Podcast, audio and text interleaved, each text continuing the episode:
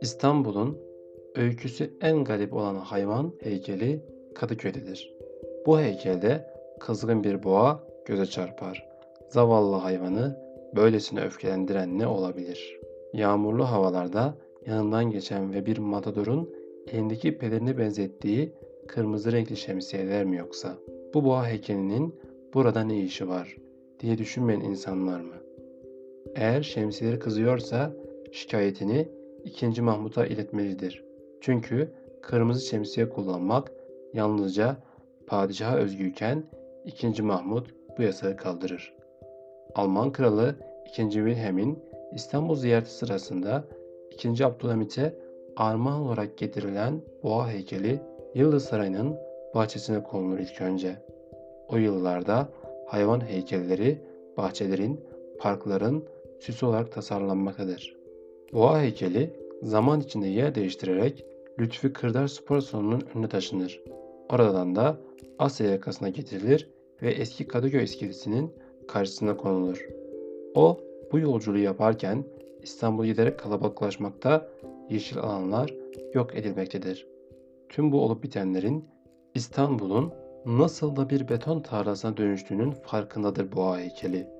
Sonunda altı yoldaki birkaç çiçeğin ekildiği ve bir tutam otun yeşerdiği çemberin içine hapsedilir.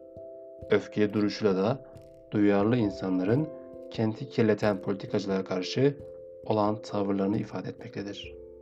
Boğa heykeli Almanların eline Fransızlarla 1871'de yaptıkları bir savaş sonrasında ganimet olarak geçmiştir. Biz de Dolmabahçe Sarayı'nın bahçesindeki kuğu heykellerinin süslediği havuzun yanından geçerek sadrazamın odasının duvarına asılı bir savaş tablosunun karşısında duralım.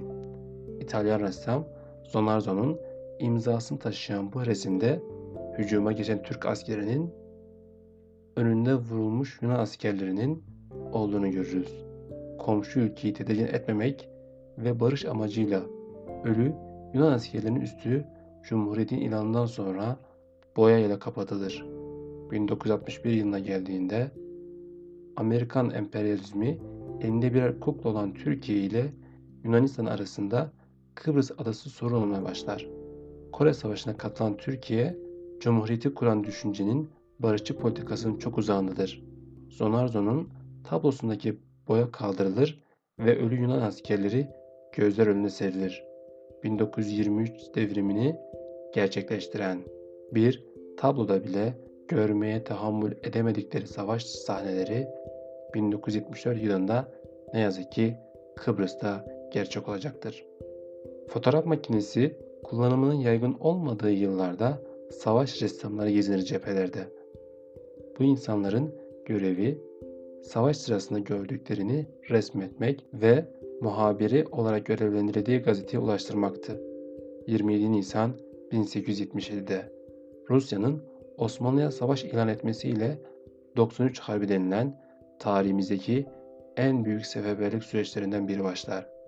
İşte bu savaşı izlemek üzerine İtalya'dan gelen bir gazete ressamını koruma görevi Hasan Rıza'ya verilir. 19 yaşındaki Hasan Rıza askeri okul öğrencisidir. O da birçok arkadaşı gibi okuldan ayrılıp gönüllü olarak gelmiştir cepheye. Ressam etrafında patlayan bombalara, dikenli tellere ve çamur tarlalara aldırmadan resimde çizerken Hasan Rıza da yanından ayrılmamaktadır.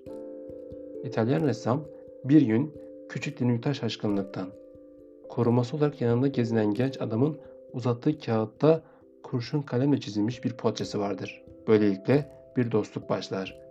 Okul yıllarında da resme karşı ilgili olan Hasan Rıza ile İtalyan ressam arasında. Bir ressamla savaş alanında tanışan Hasan Rıza onun gösterdiği yoldan yürümek üzere İtalya'ya gider. Roma, Floransa ve Napoli gibi kentlerde birçok atölyede ve müzede çalışan Hasan Rıza bir süre Mısır'da kaldıktan sonra geri döner. Ülkeden ayrılışı üzerinden tam 12 yıl geçmiştir. Edirne'ye yerleşen Hasan Rıza, Karaağaç'taki atölyesinde çalışmaya başlar. Aynı zamanda Edirne Sanat Okulu'nda ve Edirne Hastanesi'nde müdürlük yapmaktadır. Bulgar ordusu 26 Mart 1913 günü Edirne'ye saldırdığında Hasan Rıza resimlerin savaştan kurtarmanın derdine düşer. O sırada hastanede tedavi görmekte olan asker ressamlarımızdan Sami Yitik şöyle anlatır Hasan Rıza'yı. Sükutun ilk gecesi. Müdürü bulunduğu hastaneden ayrılmaması dostları ısrarla söyledikleri halde Hasan Rıza bu teklifi bir türlü kabul etmemiş, Karaağaç'taki atölyesine gitmişti. Belki gayri şuuri bir hareket farz edilen bu gidişi bence eserlerini kurtarma kaygısından ileri gelen bir ruh isyanından başka bir şey değildir. Senelerden beri göz nuru dökerek pülüm taramasıyla yaptığı tarihi resimlerin düşman çizmeleri altında ezildiğini, çiğnendiğini düşünmek onu feravan ettirmiş, kimseyi dinlememiş, ölümü düşünmemiştir. Meriç Nehri'nin batı kıyısında bulunan Karaağaç'a doğru koşan, savaş alanında tanıdığı bir ressam sayesinde resim sanatı oynayan Hasan Rıza'nın tek bir amacı vardır. Savaştan resimini kurtarmak. Atölyenin yağmalanmasına engel olma, olamayan Hasan Rıza, tren istasyonu yakınlarında bulunan bir değirmenin arkasındaki tarlaya götürülür. Bir Ermeni kadın tanıklanır ve göre ressam tüfeklerini süngü takmış beş askin arasında yere yıkılır. Edirne'ye yolunuz düşerse bir gün Karaağaç'a gidin mutlaka.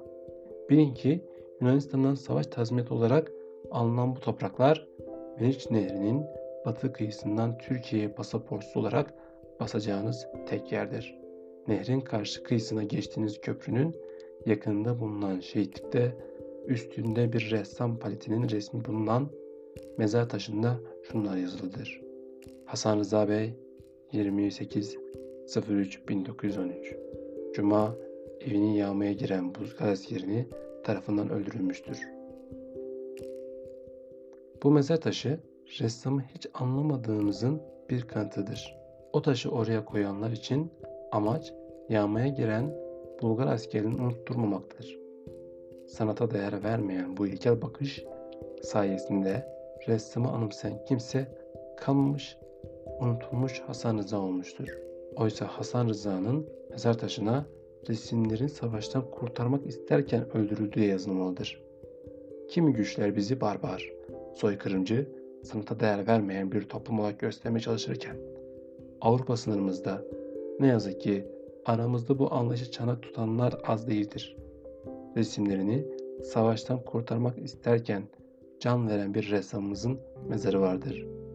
Bu konum barış adına değerlendirilir ve tüm dünyaya dostluk mesajlarının gönderildiği sanat etkinlikleri düzenlenirse Hasan Rıza'nın çabası amacına ulaşacak, savaşın yıkımından insanları, kentleri, sanat eserini kurtarma şansı doğacaktır. Sınırında resimlerini savaştan kurtarmak isterken ölen bir ressamımızın mezarı olan kaç ülke vardır? Hasan Rıza resimleri en çok tanınan ressamlardır aslında. Resim tarihimizde önemli bir yeri tutan asker kökenli ressamlarımız gibi tuvalini savaş sahnesi taşımıştır.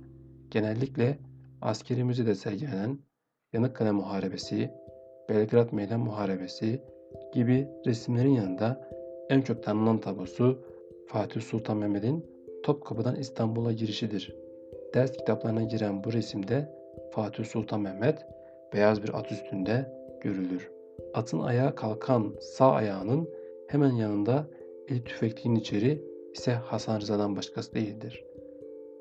Cephede portresini yaptığı zaman ressamın ilgiyle resim sanatına yönelen Hasan Rıza kendisini fetih sonrasında Fatih Sultan Mehmet'in mutlu askerler arasında çizerken savaş anında öldürüleceğini bilemez elbette.